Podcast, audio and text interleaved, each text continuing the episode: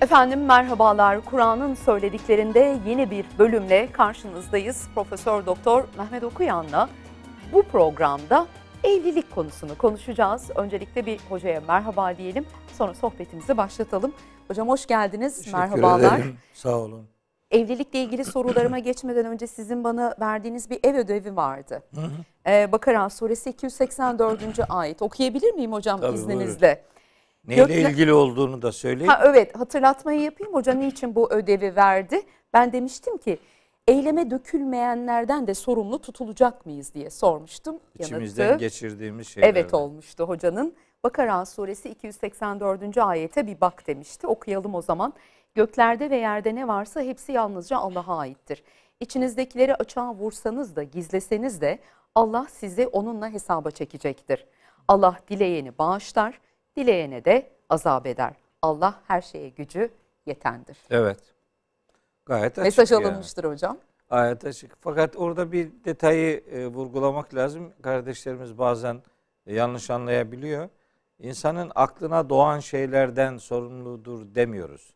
Tasarladığı şeyler. Tasarladı, planladı. Tabii planladığı. Hmm. Yani beynini böyle şeytanın çalışma odasına çevirenler bilsinler ki bu akıllarından tasarlayarak geçirdikleri şeyler sorgulamanın sonucudur, sor- e, konusudur. Fakat her sorgulanan şey azaba dönüşecek diye bir kural yok. Çünkü az önce okuduk, dilediğini sonunda. affeder, Tabii. dilediğini azap eder Allah, Allah, diyor. hak edeni e, affeder, hak edene azap eder. Onu Cenab-ı Hak bilir. Bilelim yani. ki bunlardan da hesaba çekileceğiz. Gelelim Evet. evlenme konusuna. İslam evlenmeye nasıl bakar diye sormuyoruz biz bugün. Başlangıç sorusu olarak İslam evlenmemeye nasıl bakar? İlk sorumuz. Tabii başına da hocam evlilik nedir'i koymak gerekiyor. Peygamberimizin evlilikle ilgili cümleleri, sözleri, bakış açılarını da ilk soruya dahil edebiliriz. Ee, sosyal hayatın tabii e, en önemli yani başat konularından bir tanesidir evlilik hayatı. Dolayısıyla buna dair doğru bilgilerle e, donanımlı olmak gerekiyor. Böyle kulaktan dolma bilgilerle e, bir takım yakıştırmalarla, bir takım yaklaşımlarla meseleyi e, götürdüğünü zannetmek doğru bir tavır değildir.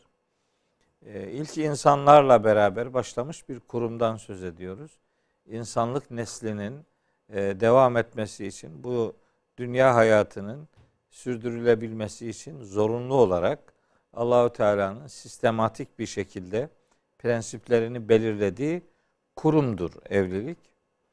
Ve e, ayetlerden bir takım göndermeler yapacağım elbette ama peygamberimizin e, bir sözünü aktararak başlayayım. E, biliyorsunuz bu toplumda tabi bazı çevreler Hazreti Peygamber'in evlilikleriyle alakalı bir takım polemikler e, üzerinden yürüyorlar. Bir takım tartışmalar yapıyorlar. Meseleyi anlamadan, anlamak istemeden e, olay aslında nasıl oldu, bunun arka planında nedir, ne vardır filan bunları sormadan işte peygamber niye çok evleniyor filan diye sanki o toplumda kimse evlenmiyordu da bir tek o evlenmiş gibi ya da evlilikleri böyle cinsel içerikli her tarafı cinsellikten ibaret olan bir evlilik kurumu varmış gibi zannediliyor. Bunların hiçbiri doğru değildir. Ee, Hazreti Peygamberi kimse o anlamda e, şehvet düşkünlüğüyle asla ve asla nitelendiremez. E, çünkü yaptığı ilk evlilik kendisi 25 yaşındayken e, eşi validemiz Hazreti Hatice e, rivayetlere göre 40 yaşındaydı ve daha önce de iki evlilik geçirmiş idi. Çocukları vardı hatta. Dolayısıyla 25 yaşında hiç evlenmemiş bir insanın e, evlilikler yapmış bir e, hanımla evlenmesi e, yani onun öyle cinsellik üzerinden, şehvet üzerinden bir evlilik hayatı tasarladığını kimse söyleyemez ki bu konusunu ettiğimiz dönem peygamberimizin henüz peygamber olmadan önceki dönem. Yani o 25 yaşındayken henüz peygamber değildi. Onun peygamberliği 40 yaşında e, başlamış idi. Dolayısıyla e, benim zaman zaman yaptığım programlarda peygamberimizin evlilikleri üzerinden özellikle çok tartışılan Hazreti Ayşe ile evliliği işte Hazreti Ayşe'nin e, 9 yaşındayken Peygamberimizin onunla evliliği iddiası. Doğru bir iddia değil. Bunun doğrusunun ne olduğunu gerekçeleriyle beraber pek çok alim aktardığı gibi ben de onlardan alıntılar yaparak e, o konudaki düşünülmesi gereken doğruyu kardeşlerimle paylaşmaya çalıştım. Başka bir problemli gibi görülen evliliği Hazreti Zeynep'le yaptığı evliliğidir. Hani e, azatlı kölesi Zeyd'le önce evlendirip sonra o evlilik yürümeyince yaptığı evliliği de böyle diline dolayanlar var. Bu da tabii bizim kültürel mirasımızda bazı bilgiler var. Problemli bilgiler. O problemli bilgileri böyle e, fütursuzca istismar eden belli çevreler var. E, o çevrelerin de hani biraz frene basması gerektiğini çünkü o konuda dillerine doladıkları şeylerin gerçeği yansıtmadığını ifade eden konuşmalar yaptık. Başka hocalarımız da bunları yapıyorlar. Biz meseleyi oradan götürmeyelim. Ee, hani evliliği konuşunca biliyorum pek çok insanın aklına o düşüyor yani peygamberimizin evliliklerine neden değinmiyorsunuz? Tabii en başına yani? bunu bir koyalım ki diyor hoca. Sonra He. altında da bizim Ya. açacağımız alt başlıklar olacak. var evet. Hocam aklıma gelmişken sorabilir miyim? Kısacık yanıtını alsam. Bu anlamda peygambere isnat edilen iftiralar, suçlamalar sanki doğruymuş gibi günümüze kadar aktarılıp kendi işlerine geldiği şekilde kullananlar. Yani kutsal kitabımız peygambere iftira atma konusunda bize bir ölçüt koyuyor mu? Tabii.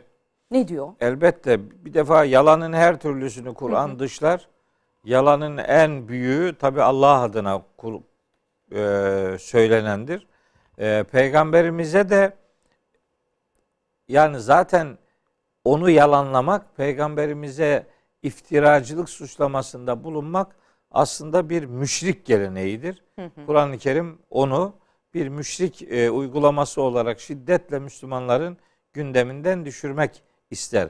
Fakat hani bizim kültürümüzde bunlardan söz edilince hani biz peygamberimizin aleyhine değil de işte olanı söylüyoruz gibi bir takım çıkış noktaları ortaya koymaya çalışıyorlar. Hayır bunlar olanlar da değillerdir. Bunlarda pek çok yakıştırmalar vardır. E, itiraf ediyorum bu bizim kaynaklarımızdan da beslenen bir takım unsurlardır. Onun için kaynaklarımızdaki bilgileri de biraz mukayeseli okumaya ihtiyacımız var. Yani önümüze gelen her Arapça metni hakikatmiş gibi, ada Kur'anmış gibi kabul etmenin bir anlamı yok, bir amacı yok. Ee, biz oradan yürümemek durumundayız. Bunu e, bu program vesilesiyle sözün en başında belirtmek isterim. Peki evlilik neyin nesidir? Nedir? Evlilik hayatın devamı için Allahü Teala'nın kurduğu sistemin e, iki cins arasındaki yürütülen bir işlemin adıdır. Ve sözün en başında ifade edeyim. Pek çok istismarların yaşandığı bir alan olması itibariyle bu başlangıç ifademi özellikle kardeşlerimin e, iyi kavramasını isterim. Evlilik dini unsurlar da taşıyan resmi bir sözleşmedir. Yani evlilik taraflar arasında hukukun başlamasını sağlayan bir e, sözleşmedir evlilik. Yani bu öyle gizli saklı kenarda bucakta iki tane yalancı şahidi bularak e, bir tane de e, uydurma nikah kıyarak e, iki insan arasında oluşturulacak bir hukukun adı değildir. Evlilikte resmiyet esastır. Bu illa dini kuralların yaşandığı, yerleştiği ortamlarda olmak zorunda değil. Mesela Peygamberimiz Hazreti Hatice ile evlendiğinde İslami kurallar henüz yoktu ama o toplumun kabul ettiği kurallar vardı. O kurallar toplum için resmiyet arz ediyordu. Ne olursa olsun evlilikte bir resmi kurum onayını, resmi kurumun e, hukuku başlatma noktasındaki belirleyiciliğini unutmamak lazım. O itibarla evlilik bir resmi iletişimin, resmi hukukun iki insan ve onların aileleri arasında başlayan bir hukuki sürecin de adıdır aynı zamanda. Peki evlenmenin dini hükmü nedir? Yani illa evlenmek gerekiyor mu? Bu konuda Kur'an'ın herhangi bir beyanı var mıdır? Evet vardır. Kur'an-ı Kerim evlilik kurumunu e, Müslümanların gündeminde tutmak ve onu sağlam e, esaslara bağlamak üzere özellikle e, Nisa suresinde özellikle e, onu hatırlatayım. Çünkü orada kimlerle evlenilmemesi gerektiğini sayan 22, 23, 24. ayetler var. Bakar şey Nisa suresinde kardeşlerimin onu not alarak evde okumalarını tavsiye ederim. Nisa suresi 22, 23, 24. ayetler. Ayetlerin numarasında bir hata yapmamak üzere tekrar bakıyorum. Evet. 22, 23, 24. ayetler. Ayrıca kimlerle evlenilemeyeceği noktasında Bakara suresinin 221. ayetini de bu vesileyle kardeşlerime hatırlatmak isterim. Bir son hatırlatmam da kimlerle evlenilemeyeceği noktasında Mümtehine suresinin 10. ayetinde bilgiler verildiğini ifade edeyim. Şimdi e, kimlerle evlenilemeyeceği tabi bu programın konusu değil. Ben şimdi o ayetlere girersem zaten bu Program bitmez. bitmez. Mümkün değil. Ama hoca Ama- en azından e, hangi ayetleri olduğunu söyledi. Evet. Not aldıysanız lütfen okuyun. Evden baksınlar, okusunlar. Önemli bir konu çünkü bu. Ee, e peki dini hüküm olarak nedir? Bu kadar Kur'an'ın üzerinde hassasiyetle durduğu bir konu. Tabii ki dini hüküm olarak evlenmek prensip olarak Allah'ın emridir. Bu ilahi bir emirdir. Hani durumu müsait olmasına rağmen evlenmese de olur mu bir adam? Hayır olmaz. İlahi bir emir. Evet emirdir. Ee, Hazreti Peygamber evlenmeye gücü yetenler mutlaka evlensinler diye bir e, beyanda bulunmuştur. Ayrıca şöyle bir ifadesi daha vardır. Nikahlarda e, mutlaka hatırlatılan bir ifade. E, Peygamberimiz aleyhisselam buyurmuş ki en nikahu sünneti nikah benim evlenmek yani sünnetimdir. Femen ragibe an sünneti feleyse minni. Yani kim benim sünnetimden yüz çevirirse o benden değildir. Yani bu, bu sünnet dediğimiz daha önceki bir programda da ifade etmiştim. Hani yapılsa iyi olur, yapılmasa da sakıncası yoktur. Türünden bir ifade değildir o hadis. Çünkü çıkış noktası Kur'an-ı Evet çünkü peygamberimizin o sözü söylemesinin arka planında ayetler vardır. Mesela hangi ayet vardır? Bir Evet tane hocam. söyleyeyim. Nur suresinin 32. ayet. Bu hiç öyle tartışma götürür bir şey değil yani. Ben bu ayeti başka türlü yorumluyorum. Yorumlayamazsın yani. Burada başka bir anlam ihtimali yok. Açıkça Rabbimiz buyuruyor ki Estağfirullah ve enkihul eyama minküm. İçinizden bekarları evlendirin. Emir bu işte. Demek ki evlilik kurumu toplumsal hayata yönelik e, toplumsal bir görevdir aynı zamanda. Evlendirin dendiğine göre evlenmesi gerekenler var. Onlar için evlenmek farzdır. Onları evlendirmek toplumsal görev olarak herkese de yüklenmiş bir sorumluluktur, bir mesuliyettir.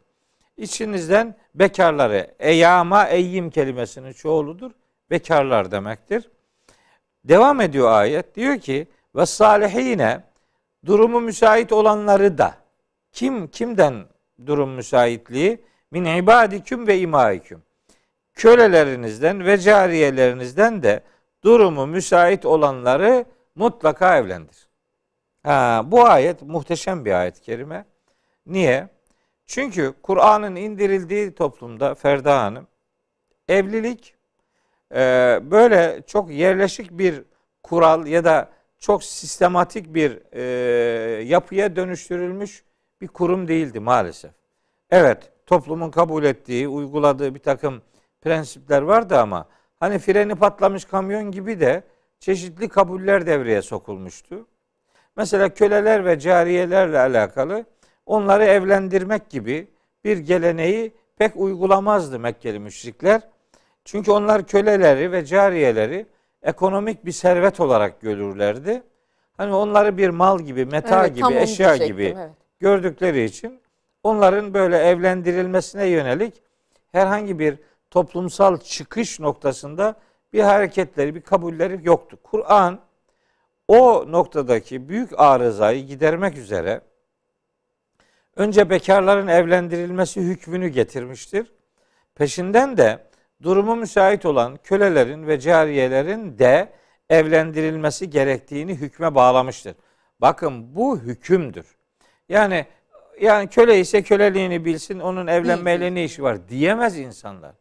Ben anlamıyorum bu Müslümanların durumunu. Kesin Gerçekten. hüküm var diyor hoca. Yani, Yani ben anlamıyorum. Bu ayet burada dururken hala adam yani köle köle olarak kalır, cariye cariye olarak kalır demeye getiriyorlar.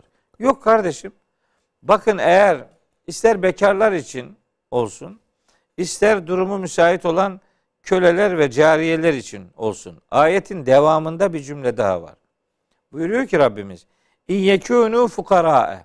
Eğer bu evlendireceğiniz bekarlar, köleler ya da cariyeler. Bunlar eğer fakir iseler onların sadece fakir olmalarını evliliklerine engel saymayın. Çünkü yuhnihimullahu min fadli. Allah onları kendi ihsanından, ikramından zenginleştirir. Fakirliği, evliliğin engeli saymayın, saymayın, görmeyin. görmeyin diyor. Ha, Vallahu vasiun alim. Allah imkanları geniş olan ve herkesin durumunu gayet iyi bilendir. Bu şu demek esasında. Tabi toplumda herkes e, ekonomik olarak belli bir güce e, sahip olmayabilir. Anlaşılıyor ki özellikle köleler ve cariyeler noktasında anlaşılıyor ki onların kölelik ve cariyelikten kurtarılmasının en kestirme yollarından biri onların evlendirilmesidir. Fakat onlar bir mal gibi, meta gibi, eşya gibi, ekonomik bir değer gibi kabul edildikleri için onlar kime ait iseler onların bedelini, parasını sahibi olan kişiye vermek lazım. Yani çünkü adam belki para vererek almıştır. Onu bir servet gibi görüyordur. Aldıysa onundur deyip de işi kapatmamayı öngörüyor ve onlara bir bedel ödemek üzere Nur suresinin 33. ayetinde açık hükümler vardır. Ap açık hükümler bunlara yardım edilmesi ve bedelini sahibine vererek hatta sahibinin de o, nok- o noktada esnek davranarak köleler ve cariyeleri evlendirerek bu kölelik, cariyelik kurumunu bitirmeyi hedef edinen Kur'an-ı Kerim'de böyle çok önemli 10 tane e, öneri vardır. Öneri demeyeyim de 10 tane buyruk vardır. Bunlar yerine getirilirse toplumsal hayatta kölelik ve cariyeliğin bitirilmesi hedeflenir. Kölelik ve cariyeliği günümüze vurduğumuzda biz bu e, hükmü nasıl anlamalıyız hocam? E, bugün de E, var. çevremizde işte e, yardıma muhtaç olup evlenemeyen, gücü olmayan herkes gibi mi? Onları evlendirmeye teşvik etmek gibi mi algılamalıyız? Anladım. O şimdi zaten çevremizdeki bekarları evlendirmek o ayetin birinci tarafının mesajıydı. O zaten duruyor. Bizi ilgilendirmez toplumun filanca bekarları deyip de kestir batamayız zaten. Bu ayette evlenin hükmünden öte evlendirin Birin, hükmü evet, var. evlendirin. Yani ana babaya e, ve sosyal çevreye Allahü Teala'nın böyle yönlendirdiği bir buyruk var. Dolayısıyla biz onları görmezlikten gelmeyeceğiz. E, köle ve cariye noktasında da hani ekonomik dar boğaza girmiş, hiçbir çıkış noktası olmayan bir sürü insan var. Onlar da hani ekonomik anlamda çaresizlik içerisinde bulunmayla bir anlamda birilerine bağımlı oldukları için o noktalarda köle gibi bir e, bağımlılık içerisinde dururlar. Onları o halden kurtarmak e, Allah'ın bütün toplumsal hayatta Müslümanlara yönelik emridir. Ben burada bir şey daha söylemek istiyorum. Ee, buradaki bekarlar ve köleler ve cariyeler ifadesini dini bir aidiyetle de sınırlandırmamak gerektiğini düşünüyorum. Yani bekar bekardır. Yani bunun dinlisi dinsizinin ayrımını yapmamak lazım. Köleler ve cariyeleri de o noktada kalkıp işte bu din dinlidir veya dinsizdir gibi ayrıma tabi tutmadan bu e, evlilikle alakalı Kur'ani hükmü toplumsal hayatın en iyi yerine yerleştirmek durumundayız. Çünkü çok önemli bir mesele. Yani evlilik kurumu eğer sağlıklı bir şekilde yürütülmez, canlı tutulmaz ve belli ilkeler üzerinden e, hayatiyete e, kazandırılmazsa işte toplumsal hayatta zina denen, fuhuş denen, işte bir takım ahlaksızlıklar artık e, kaçınılmaz olur. İşte merdiven altı ilişkiler, böyle gizli gizli buluşmalar, şunlar bunlar devreye girer ve e, evlilik, aile hayatı bundan büyük bir yara alır. O yarayı almamak üzere e, Kur'an-ı Kerim bunu bir hüküm olarak belirlemiş. Evlenmenin, evlendirmenin dini bir emir olduğunu ortaya koymuş. Hazreti Peygamber de bunu uygulamanın e, yani nikahın onun sünneti olduğunu ki o sünnetten kasıt da zaten Allah'ın bir emrinin yerine getirilmesi anlamında bir uygulamadır. Onu Müslümanların gündemine e, taşımış.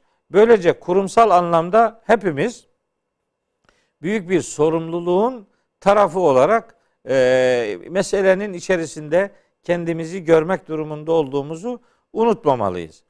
Bu arada evlilik niye e, farzdır? Evliliğe İslam nasıl bakıyor filan?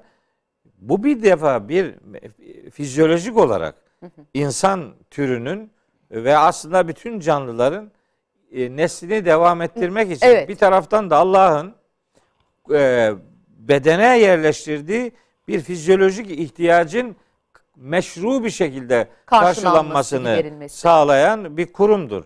Dolayısıyla bu ihtiyacın karşılanmaz. Bu ihtiyaç Allah bunu bir vücutta yarattığına göre bu bir e, gerçekliktir. Bunu meşru, doğru şekillerde karşılamak lazım. İşte zinayı yasaklamak elbette bir tedbirdir. Dini hüküm olarak söylüyorum. Elbette bir tedbirdir. Ancak cinsel anlamda insanların ihtiyaçlarını giderebilecekleri bir yolu da onlara açık tutmak da bir zorunluluktur. İşte o nikahtır. Yani yasağın karşısına da bir çözüm yolu getiriyor. Yani hoca hep programın en başından bu yana diyor ki hayat kitabı bu. İçinde her şey var. Evet. Evlilik de var. E, ama hocam şimdi bir taraftan baktığımda kutsal kitabımız böyle bir cinsiyet üzerinden değil de sizin de hep vurguladığınız üzere şahsiyet üzerinden Evet. gidiyor. Kadın ve erkek diye de bir cinsiyet var. Var. Evlilikte bu iki cinsiyetten oluşuyor. Evlilik gerçekleştiğinde kadının ve erkeğin bu evliliği yürütebilmesi için hükümler, kurallar yine kutsal kitabımızda Var. bize anlatılmış mı? Tabi. Elbette var. Ee, şimdi çok iyi bir soru bu. Bu soru için e, iki tane ayeti mutlaka hatırlatmalıyım. Lütfen.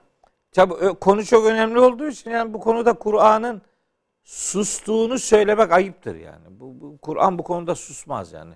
Bangır bangır da bağırıyor. Ee, yani mesajlarıyla bağırıyor. Yoksa yani kelimeler sese gelmiyor elbette.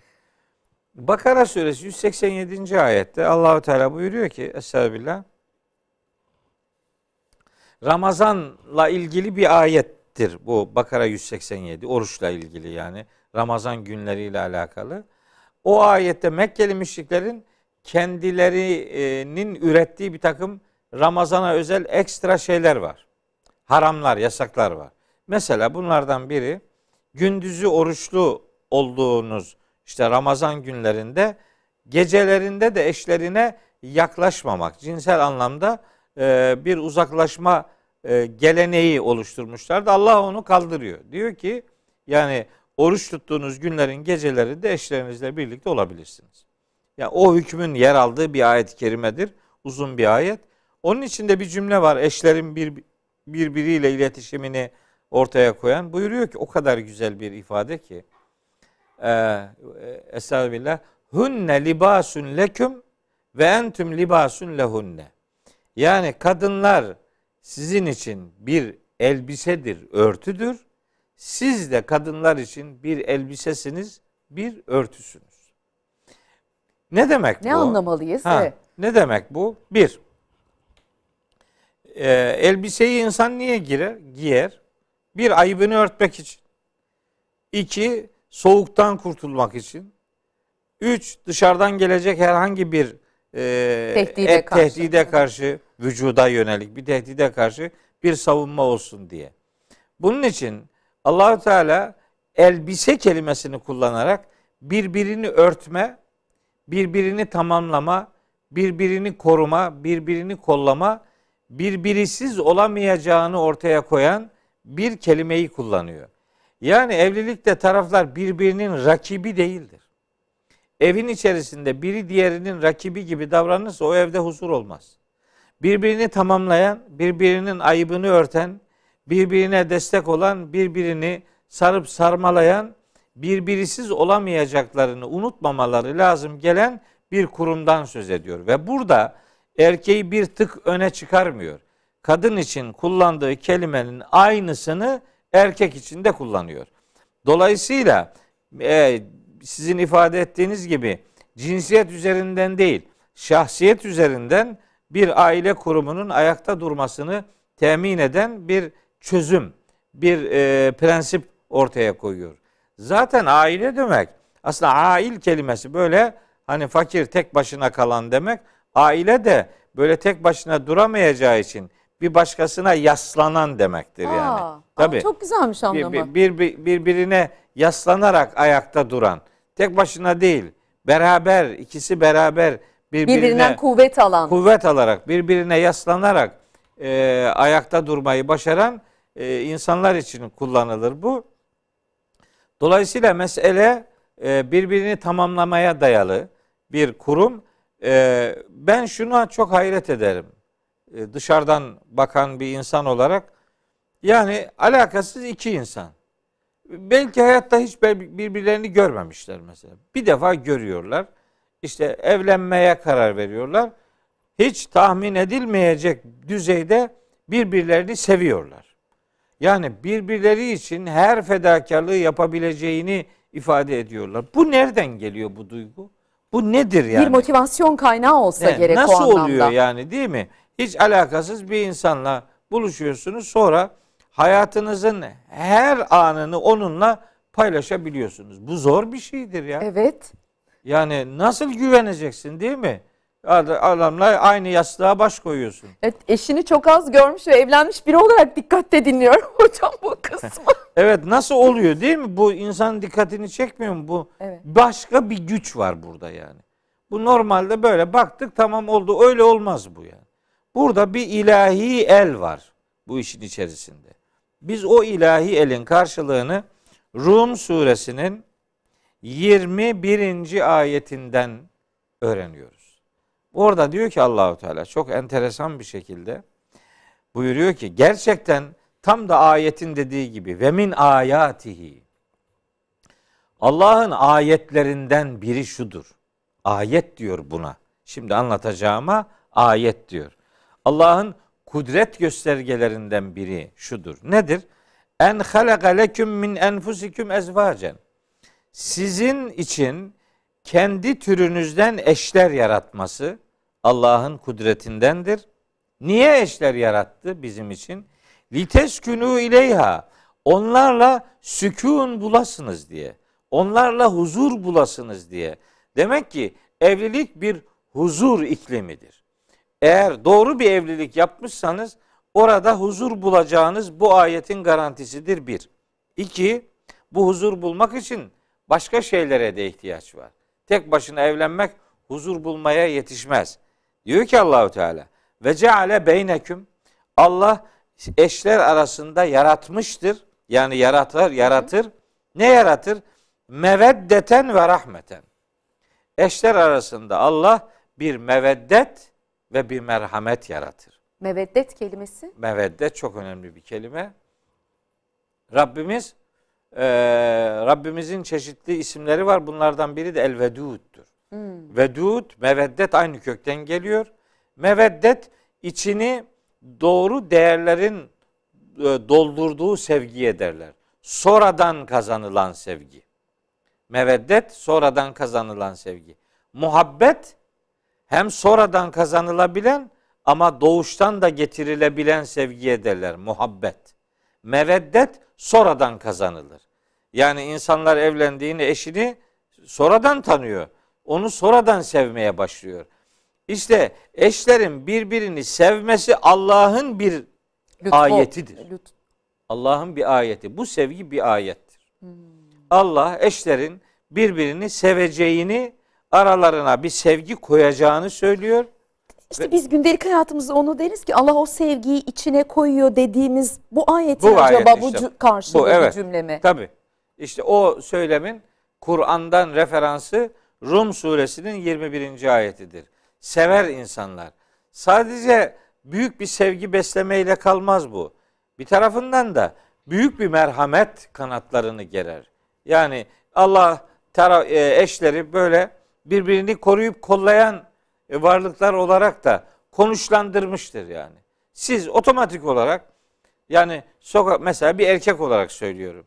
Sokakta bir kad- kadın tacize uğrasa buna engel oluruz biz. Mutlaka engel olmaya çalışırız. Sözümüzle, eylemimizle. Yani orada bir tarafsız ben ilgilendirmez demeyiz. Ama böyle bir sıkıntı kendi eşinize ise burada duyarlılığınız kat kat artar. Niye? Çünkü ona yönelik ayrı bir rahmetiniz var. Ayrı bir meveddetiniz var. Orada başka duygular da devreye giriyor. Dolayısıyla böyle garip bir sevgi ve e, çok çok rahat anlaşılamayan acayip bir merhamet duygusu Allah taraflar arasında yaratır. Onun için adam diyor ki işte elektrik alamadım diyor. Böyle yeni şeyler söylüyorlar. Elektrik alamadım filan. Öyle bir şey yok Burada yani. böyle bu- burada trafo mrafo yok, kablo mablo yok kardeşim.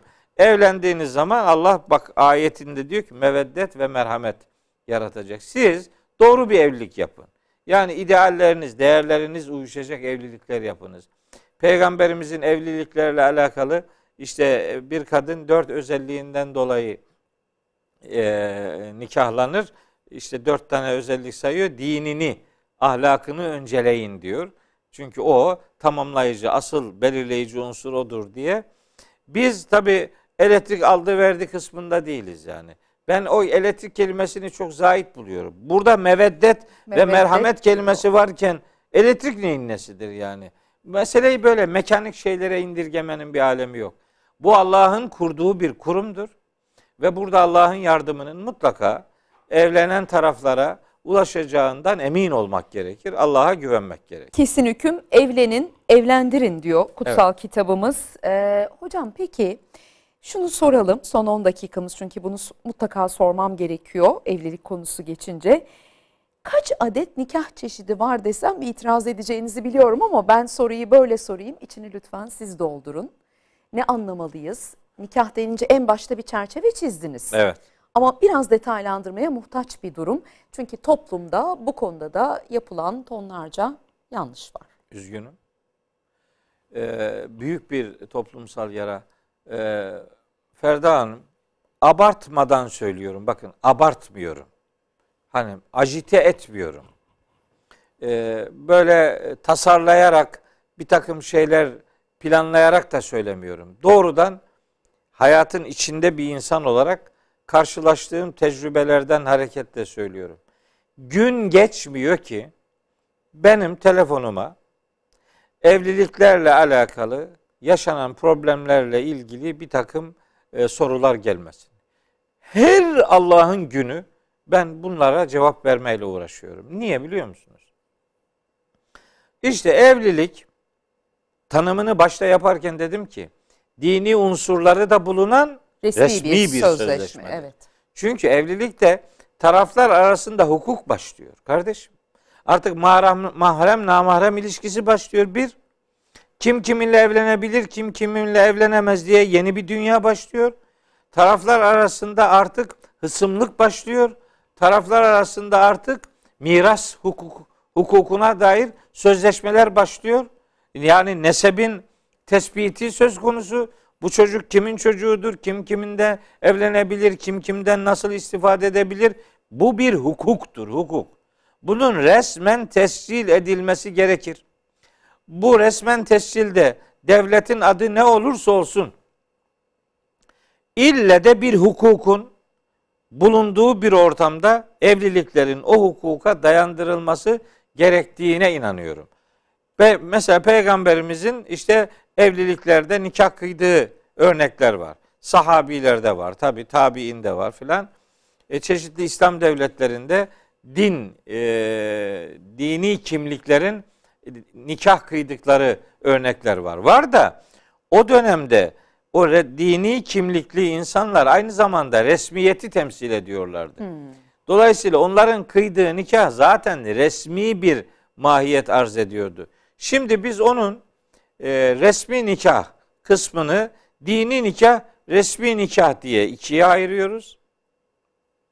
Dini nikahı resmi nikahın sanki böyle alternatifi gibi görüyoruz. Yani resmi nikah kıymıyorsan veya kıyamıyorsan dini nikah kıy filan. Kardeşim dini nikah dediğin şey işin dua kısmıdır.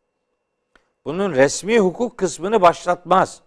Dolayısıyla dini nikah adı altında insanların birbirini mağdur etmesinin bir alemi yok. Niye bir mağduriyet kapısı aralıyoruz? Ne oluyor bize? Evlenmek mi istiyorsunuz? İşte bunun resmi tarafı var. Gider müracaat edersiniz. Ailelerinizin işte haberi olur. Dolayısıyla hani nihayet yetişkinseniz e, annenizin babanızın tabi rızasını almak çok büyük bir erdemdir. Ama aklı başında kararını verecek insanlarsınız. Siz müracaat edersiniz, resmen müracaat edersiniz. İki taraf arasında artık hukuk başlıyor. Onun için bir resmi kayıt altına almak gerekir. İşin dini kısmı duadan ibarettir. O zaten nikah memurları o duayı zaten yapıyorlar. Hatta şimdi gayet de güzel bir uygulama olarak hani müftüler de kıyabiliyor. nikah kıyabiliyorlar. Tamam işte mesele yok. O büyük problem ortadan kalkıyor. Bu çözüm şu anda bizim ülkemiz için söylüyorum. Bu şu anda burada uygulanabilme imkanına kavuşmasına rağmen hala daha böyle gizli gizli merdiven altında iki tane yalancı şahit buluyor. Bir tane de imam e, ayarlıyor. Ondan sonra nikah kıyıyor. Peki ne oluyor ondan sonra? Ondan sonra onlar birbirinin nikahlısı kabul ediliyor. Ya hayır öyle bir nikah yok. Yok. Yok hayır. Öyle bir Nikahlısı nik- falan değil. Olmaz kardeşim. Hani bununla kadına zulmeden erkekler de var. İşte Tabii ben olmaz seni boşamıyorum diye. Toplumsal bir yara dediğiniz İşte ben gibi. diyorum işte bana gelen o mesajların yüzde 99'u böyle şeylerden geliyor. Diyorum ki kardeşim genellikle de hanımlar arıyorlar, yazıyorlar. Peki böyle bir dini nikah kıyma aşamasındayken niye bana sormadın? O zaman sorsaydın ben de zinhar yanaşma diyecektim sana. Şimdi önce kıyıyorsun nikah, kandırıyor seni. Ondan sonra diyor ki boşadım veya boşamadım. Bir de şöyle şeyler var Ferda Hanım. İşte oğlumuz, kızımız neyse biriyle nişanlandı. Biz bunlar şimdi beraber gezecekler. Beraber Önden bir konuşacaklar. nikah kıyalım. Önden bir nikah kıyalım. Bak dinde böyle gezme nikahı, konuşma nikahı, el ele tutuşma nikahı, fotoğraf çektirme nikahı böyle nikahlar yok kardeşim ya. Bir tane de ben ekleyebilir miyim? He, evet. Haramı helal kılma nikahı da yok. Ha öyle bir şey mi? yok. Öyle öyle öyle uydurma şeyler yok. Nikah bir tanedir. Ya vardır ya yoktur. Nikah varsa her şey helaldir kadın erkek arasında. Nikah yoksa da her şey haramdır kardeşim. Yani normalde haram olan şeyler orada da haramdır. Böyle problemler meydana geliyor. Bir bu, bir bunu söyleyeyim. Hani illa dini nikah kıydırıyorlar falan bari diyorum ki bari illa kıydıracaksanız resmi nikahtan önce kıydırmayın bunu. Çünkü o arada bir problem yaşanıyor ve kadın mağdur oluyor ya. Niye bu mağduriyetin kapısını aralıyorsunuz? Çok mu duyarlı bir adamsın? Çok mu istiyorsun evlenmeyi? Git resmen müracaat et. Aranızda hukuki bir bağlayıcılık başlasın. Ondan sonra da kadına zulmetme imkanı elde edemeye, edemeyecek hale gel. E, zulmetme yani. Zulme diyorlar. Bir, bunu söylüyorum. Çok eşliliğe, Azıcık şiddetle hızlanalım mı karşıyım. hocam? Hı, Çok, Çok- eşliliğe, şiddetle karşıyım. Onu tamam. söyleyeyim. Tamam. Bir. iki. Bu nikahta istismar edilen bir konu daha var. O da mut'an, geçici nikah. Heh. Mut'a nikahı. Bu Şiilerde işte böyle göya yaygındır. Bunun biz, bizim tarafta da bunun e, karşılığı var maalesef yani. Efendim Nisa suresi işte 24. ayette mut'aya işaret eden bir ifade var. Femestemta'tum bihi minhunne featuhunne ucurahunne ferida. Onlardan cinsel anlamda e, yararlanmanızın karşılığında ücretlerini verin diye. O zaten evlilikteki mehirle alakalıdır. Evlilik dışı geçici nikahla alakalı değildir. Oradan mut'a filan diye bir şey çıkmaz, çıkarılmamalıdır. Geçici nikah yoktur. Çok eşliliğin üzerinden herhangi bir böyle rahat, işte yapabilirsin ne olmuş Çok bir de oradan eşlilik olsa. için uydurulmuş nikahlar da yok diyor Yoktur, hocam. Evet öyle gizli nikahlar yok. Merdiven altı nikahlar yok. Dini nikah illa kıyacaksa bir adam onun nereden kaynaklandığını söyledim. Ee, Peygamberimiz döneminde, sahabiler döneminde, diğer İslam idaresinde olan ülkelerde zaten resmi görevli olan bir müftünün veya işte kadının yani hakimin kıydığı nikah o zaman dini kimliğiyle beraber resmi bir hüviyette arz ettiği için onların kıydığı nikah resmen kıyılan nikahtı. Şimdi resmen onaylanmamışsa bir nikah böyle kendi aralarında iki tane yalancı şahit bularak kıyılan nikahlarla filan nikah olmaz. Böyle nikah kıydığını zannedenler o birlikteliklerle bilsinler ki çok korkunç bir hata içerisinde. Çok kısa kısa bir iki soruya cevap veri- Buyurun. verelim mi hocam? Tamam. Merak edilen e, sorulardan biri. E, iki bayram arasında nikah yapılır mı? Evet iki bayram arasında nikah yapılır mı? Ya ben anlamıyorum. Bunu nereden uyduruyorlar ya? Nasıl birden ne? İki bayram arası olmayan zaman yok. Peki. Yani Ramazanla bayram, Kurban Bayramı arasına iki bayram arası diyor. E peki Kurban Bayramı'ndan sonra Ramazan Bayramı gelecek. O da iki bayram arası. Birbirini iki- takip ediyorlar İki bayram arası olmayan zaman yok yani. Böyle böyle bir yasağın bir anlamı yok. Hocam bu önemli. Bunu da mutlaka konuşalım. Ee, kutsal kitabımızdan siz bize e, öyle bir örneklendirin ki kafalardaki o yanlış bilinenler silinsin. Kutsal kitabımız kadına el kaldırılmayacağını evlilikte, evlilik e, tabii dışında da nasıl anlatıyor? Ferda Hanım. Öyle bir şey sordunuz ki diyorsunuz. Evet, bu bu bir program konusu. Yani bilmiyorum. Uğur Bey ne der sayın editörümüz? Bence Uğur Bey işleyebiliriz. ne der bilmem ama mesela kadına şiddet konusunu bunun dini kodlarının nereden beslendiğini mesela bir gün konuşsak isterim yani. Çünkü mesela Sıkıştırmayalım bugüne diyor hocam. şunun için bunu söylüyorum. Bugün toplumun en en kanayan yaralarından biri bu.